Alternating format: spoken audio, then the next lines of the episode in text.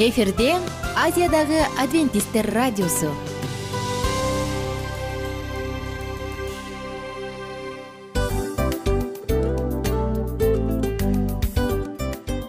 Достор салют.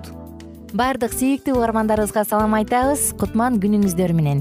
Ден соолук өмүрдүн булагы демекчи саламат саамы программасында баарыңыздарды көргөнүбүзгө абдан кубанычтабыз. Анда алгач амандашып өтөлү арбаңыздар деп ден соолугуңуздар кандай элибизде көбүнчө ден соолук кандай дегенде эле жакшы деп жооп беребиз э? ооруп турсак дагы жакшы дейбиз. Анан мен муну айтып ойлойт элем бул абдан сонун сөз депчи анткени бул жакшы деген үмүт да э ооба баары жакшы болот. Баары сонун. Деп үмүттөнүп атып эле өзүбүздү өзүбүз дарылап коебуз. Анысы кандай сиздин дагы ден соолугуңуз жакшы беш деген үмүттөбүз чындыгында ден соолук бул өмүрдүн булагы деп бекеринен айтылган эмес деп ойлойм. Кыргыз элинде анткени эгерде ден соолук жок болсо анда адамдын жашоосунда калган баардык керектүү маңыздуу нерселер өзүнүн баалуулугун жоготуп коет. Ошондуктан ден соолук бул эң керектүү нерсе. Ооба туура айтасың кесиптешим. Чынында ден соолугуң жок бир эки үч күн ооруп калсаң эле э кандай болуп калат? Жашоодо көз каранды болуп каласың көп нерсеге жетишпей каласың көп нерсени кыла албай каласың жада калса эшикке дүкөнгө да чыга албай каласың. Туптуура анан ден соолук болсо демек биз биздин бактыбыз тоодой деп койсок болот. Анда достор саламат саамы рубрикабызды баштайлы. Алдыда өзүңүзгө керектүү болгон сонун кеңештерди уга аласыздар. Мына ошондуктан биз менен бирге болуңуздар. Ал эми биз болсо милан жана айнура. Кеттик алга. Алга саламат саама ден соолуктун жарчысы. Саламат саама ден соолуктун ачкычы. Күн сайын сиз үчүн мыкты кеңештер сонун жаңылыктар кызыктуу фактылар биздин рубрикада.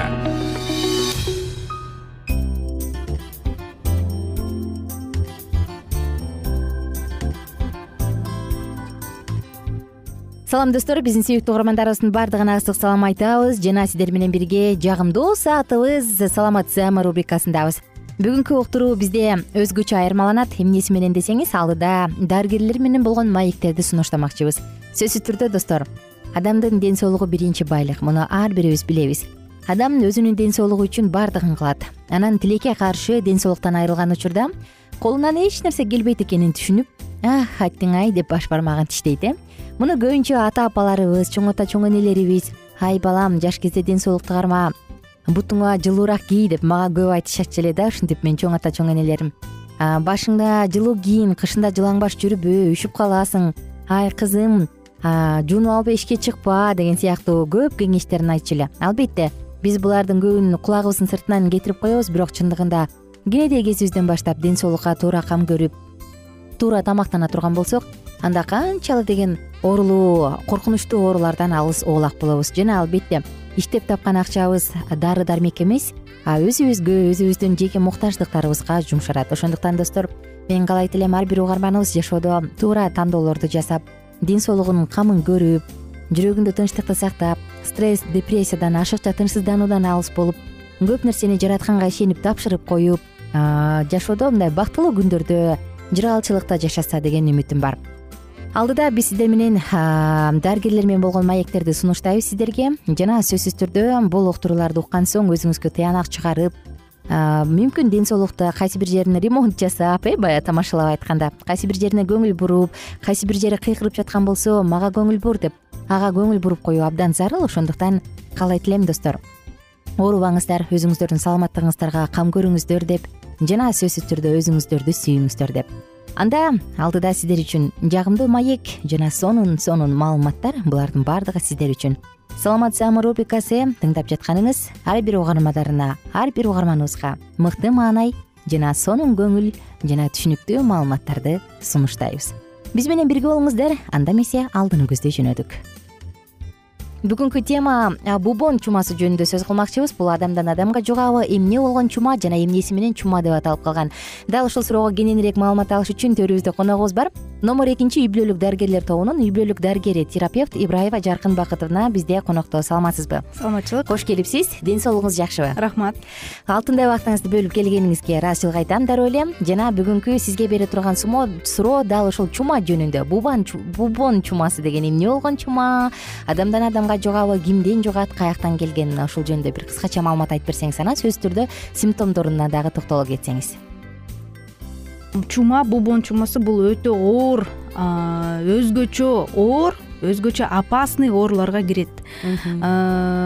Бул ооруну өтө коркобуз анткени деген бул оору миллиондон ашык көптөгөн өлүм алып кетет анан бат тез тез тарап кетет. Анан кийин тез эле ооруп бир күнүн ичинде кыйналып бир күнүн ичинде адам өлүп калыштагы ыктымал да. Анан булбоонду бул бүргөлөр ташыйт да. Бүргөлөр болсо жана ооруп калган жаныбардан өзгөчө жанагы грызуну деп коет. Суслики э, ошо тоодо жүргөн бизде кыргызстанда ошондой очактар бар где э, ошондой именно сусликтер ошондой зараженный болушу мүмкүн да. Анан ошол очактар кызыл белгили менен китепте э, катталган.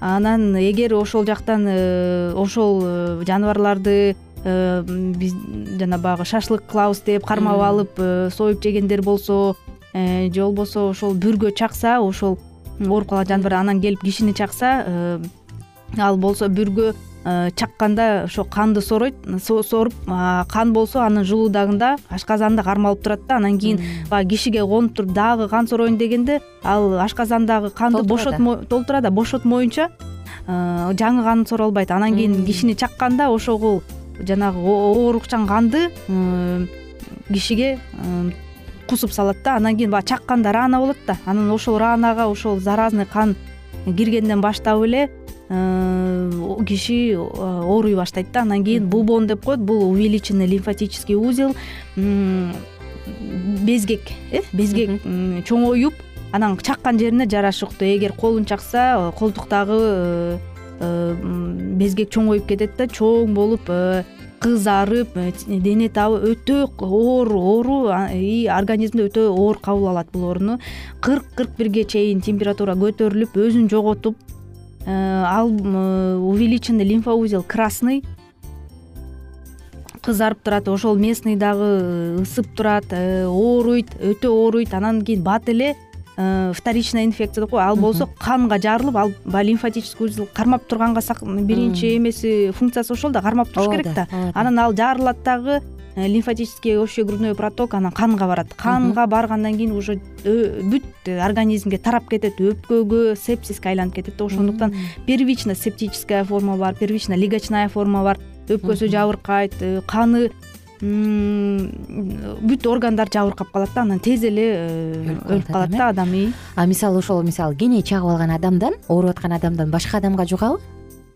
Э, ооруп аткан адамдан жугат. Сөзсүз мына бүргө ташуучулар болот да. Ошондуктан жанагы экономический неразвитый жана санитарный условиялары начар өлкөлөрдө ушундай булбоончума козголуп келип атпайбы биз мындан абдан коркобуз. Э, бул коронавирустан дагы миң эсе өтө оор өтө аябай оор оору.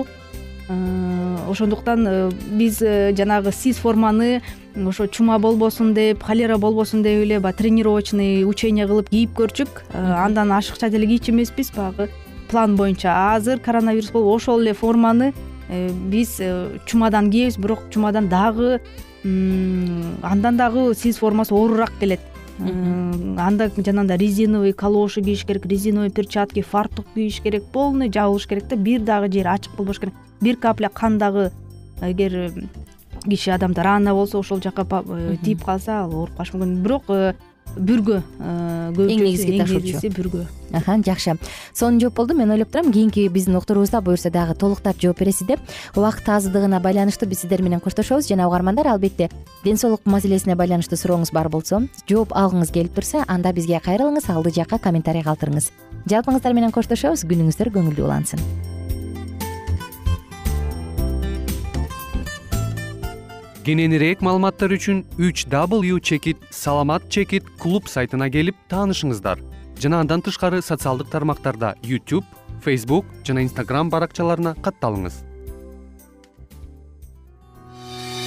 Саламат саама ден соолуктун жарчысы. Саламат саама ден соолуктун ачкычы. Күн сайын сиз үчүн мыкты кеңештер сонун жаңылыктар кызыктуу фактылар. Биздин рубрикада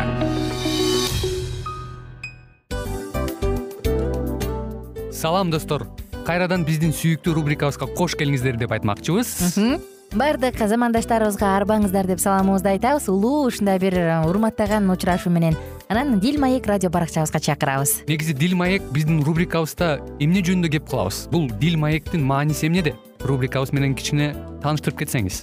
Сөзсүз түрдө тааныштыра кетейин. Кесиптешим суранычы боюнча бул учурда бул радио баракчада биз ар тарап кесип ээлеринен сонун кеңештерди алабыз сүйлөшөбүз сырдашабыз. Аталарыбыздын эжелерибиздин апаларыбыздын кеңештерин угабыз айтор. Жан дүйнөгө адамдын э, сапатына адамдын деги эле адам болуп жашашына керектүү баардык кеңештер алдыда.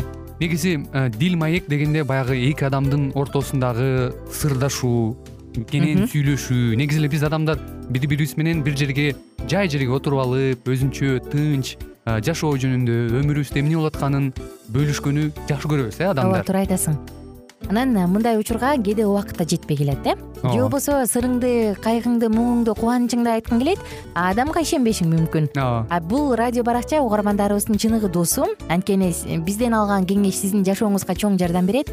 Ал эми сиздин бизге айта турган сөзүңүз ортодо гана сыр бойдон калат. Ошондуктан биздин дил маек рубрикабызга дагы бир жолу кош келиңиздер. Жана биз даярдаган маалыматтарга даяр болуңуздар. Айнура жана милан сиздер менен бирге алдыга кеттик ар түрдүү ардактуу кесип ээлеринен алтын сөздөр жүрөк ачышкан сыр чачышкан сонун маек дил маек рубрикасында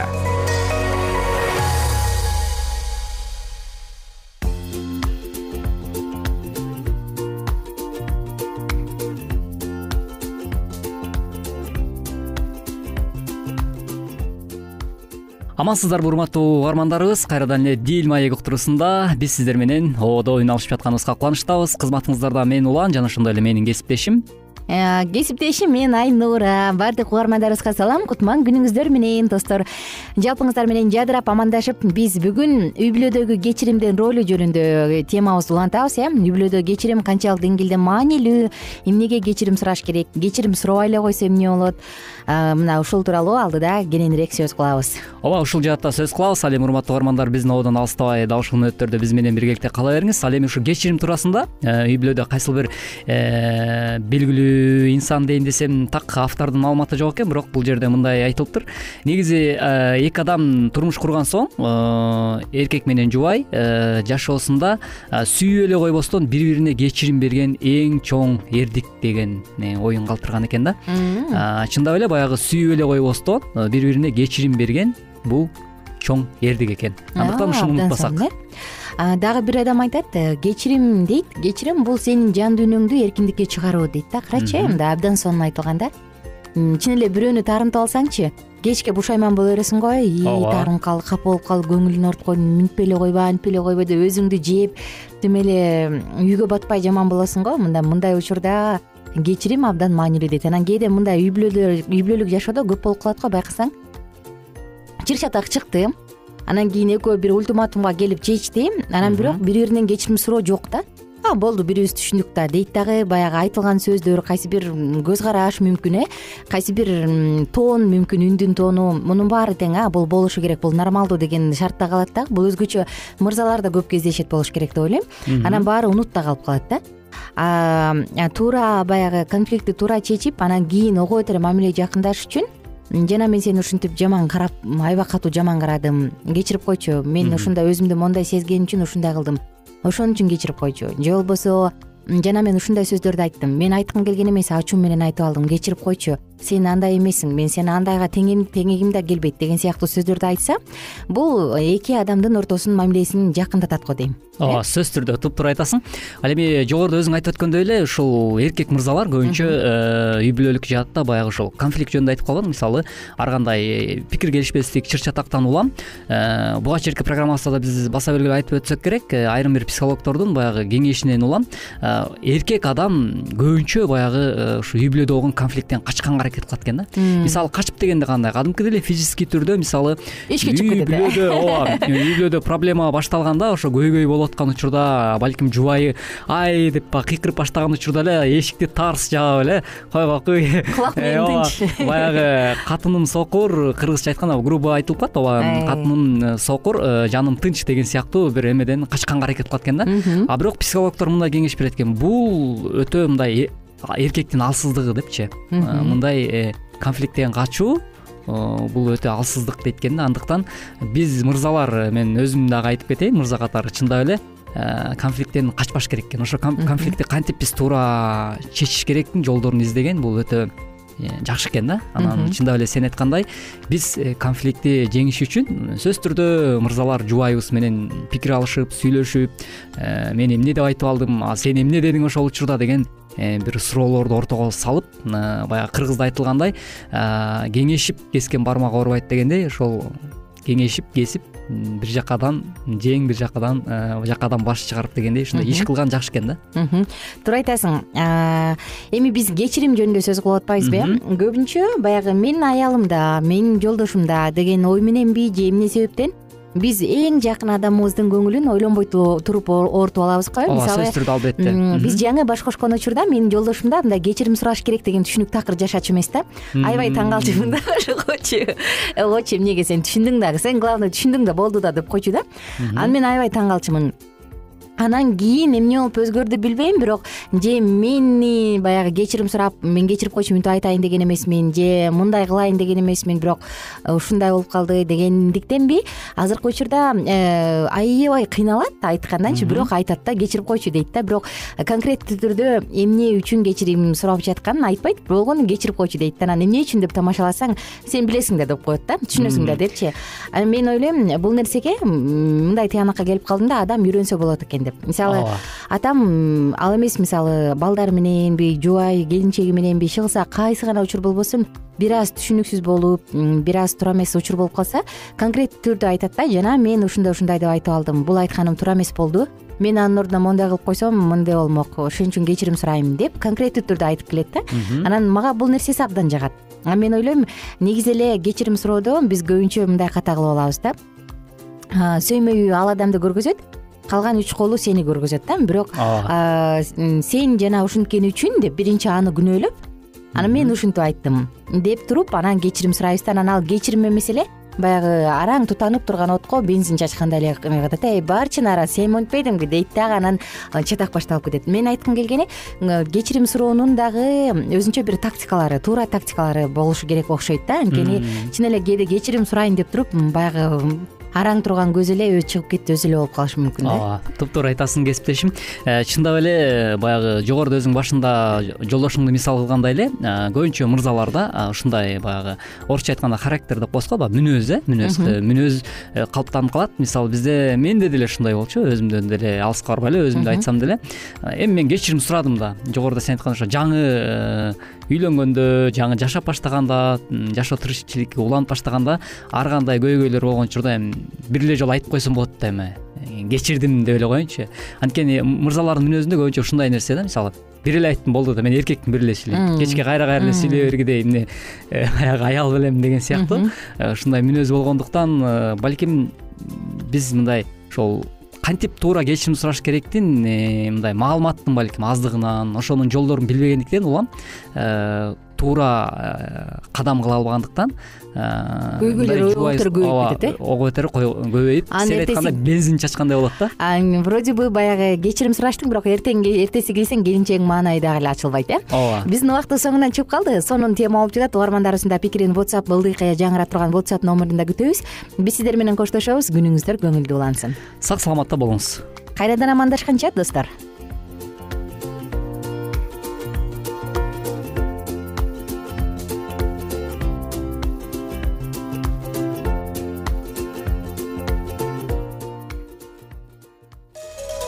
ар түрдүү ардактуу кесип ээлеринен. Алтын сөздөр жүрөк ачышкан сыр чачышкан сонун маек. Дил маек рубрикасында.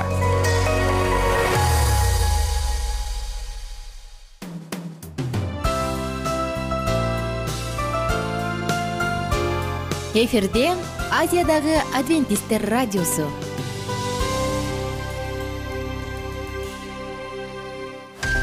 жан дүйнөңдү байыткан жүрөгүңдү азыктанткан жашооңо маңыз тартуулаган жан азык рубрикасы.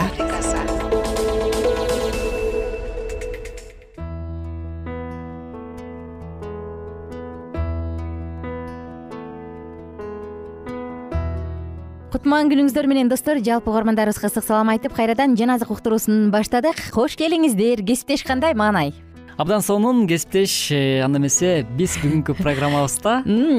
Адилеттүүлүк жөнүндө улантабыз. Мен кесиптешим үйүнө шашып атат. Э, келинчегин сагынган окшойт. Ооба абдан сагындым албетте тарс эткени баары тамаша бирок чындыгында э, бизде азыр ар бирибизде өзүбүзчө пландар бар ар бирибизде өзүбүздө максаттарыбыз бар э ошого жетсек деген гана тилектер. Мен ишенем сиздин дагы жашооңузда өзгөчө бир максат өзгөчө бир тилек бар. Мүмкүн сиз дагы адилеттүүлүк орносо коррупция болбосо жеп ичкендер жок болсо деген максатыңыз бардыр мына ошондуктан адилеттүүлүк эмне? Келиңиздер бирге сөз кылалы. Ооба жогоруда кесиптешим айткандай эле урматтуу угармандарыбыз бүгүнкү учурда биз ар бир эле инсан э, ушул коомдо жашап жаткан соң ар бирибиз адилеттүүлүктү э, талап кылып келет эмеспизби демек бул адамдын табиятында бар нерсе десек жаңылбайбыз бир мындай эле бир адам мындай дейт да. Адилеттүүлүк эң кубаттуу аскер кошунунан да күчтүү дейт. Карачы?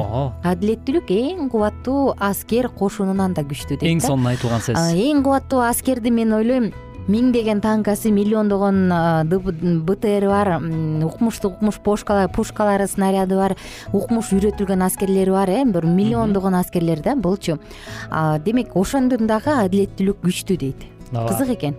Кандай гана кырдаал болбосун чын эле баардык нерсени баягы адилеттүүлүк жолу менен гана жеңип алат эмеспи негизи эле эгерде адилеттүүлүк болбосо анда сөзсүз түрдө бүгүнкү биздин коомубузда болуп аткан сыяктуудай эле э, башаламандыктар ар кандай э, кыргын сүргүндөр э, албетте орун алышы мүмкүн. Туптуура айтасың. Мына ошондуктан адилеттүүлүк эмне? Аны орното алабызбы? Мына ушул жөнүндө дагы биз сөз кылып жатабыз анда сенин оюңду уккум келип турат да кесиптеш. Адилеттүүлүк негизи эмне бул?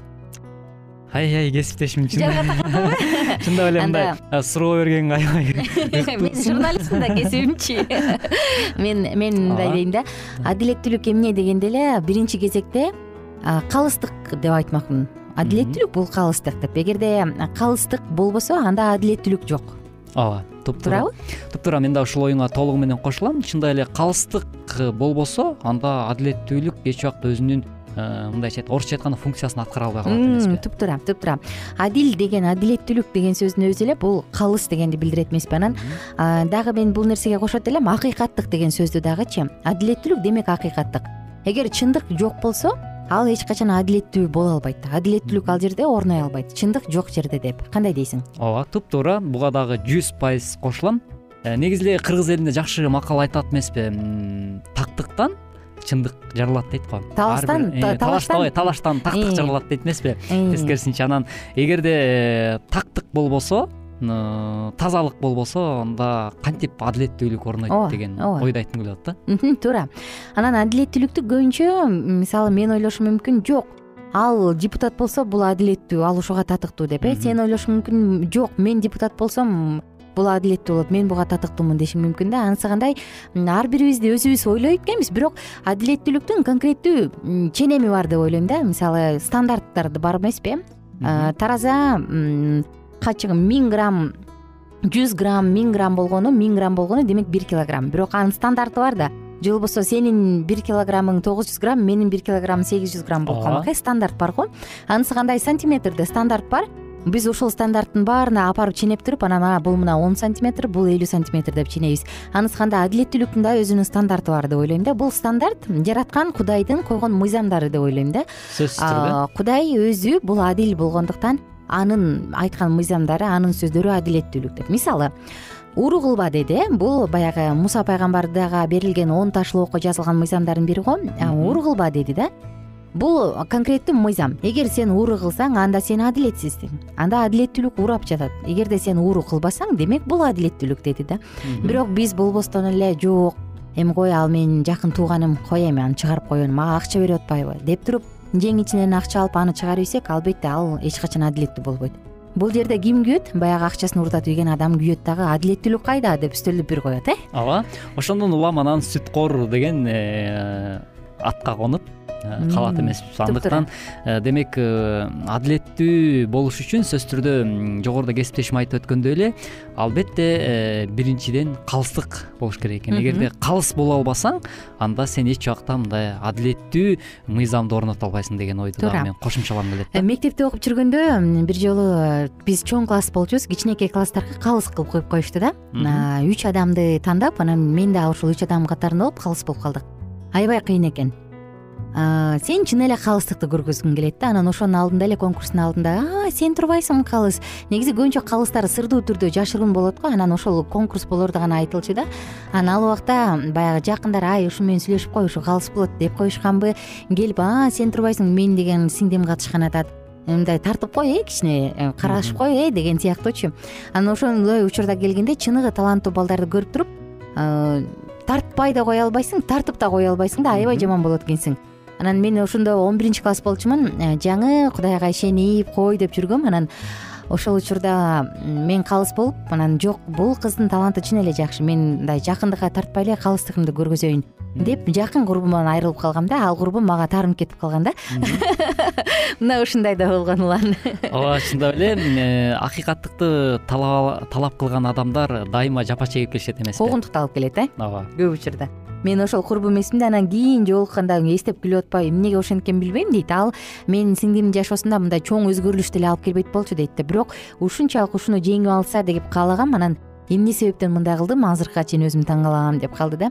Анысы кандай чындап эле урматтуу угармандарыбыз буга чейин сиздер тыңдап жаткандай эле биз бүгүнкү уктуруубузда ушул адилеттүүлүк туурасында сөз кылып жаткан соң сизде дагы кандайдыр бир ой пикирлер кандайдыр бир э, ушул адилеттүүлүккө кошумчалай турган э, суроолор жаралган болсо анда биздин төмөнкү э, whatsapp номерибизге дагы өзүңүздүн ой пикириңизди калтырып кетсеңиз болот. Жана сөзсүз түрдө сурооңуз болсо дагы э сурооңузду дагы күтөбүз сунуштарыңызды дагы күтөбүз.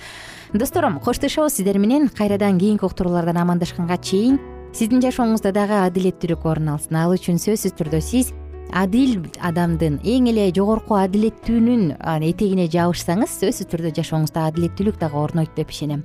Бар болуңуздар кайрадан амандашканча. Бар болуңуздар бай болуңуздар сак саламатта болуңуз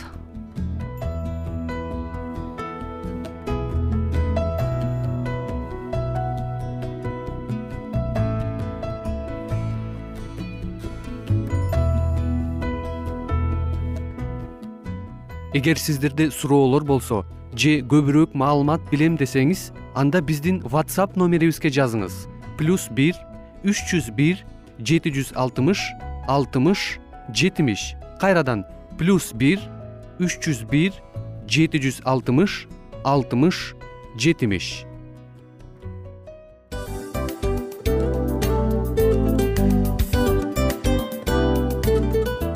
ушул менен достор программабыздын уктуруубуздун эң кайгылуу мөөнөтүнө келип жеттик.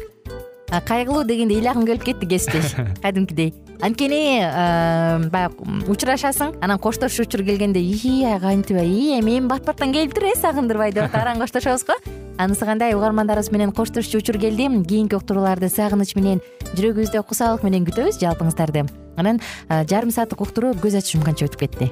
Сөзсүз бирок бизде жакшы кабар бар. Кийинки уктурууларыбызда сөзсүз дагы кезигишебиз. Анткени биз көптөгөн сюрприздерди кызыктуу маалыматтарды жана керектүү керектүү нерселердин көбүнчөсүн даярдадык.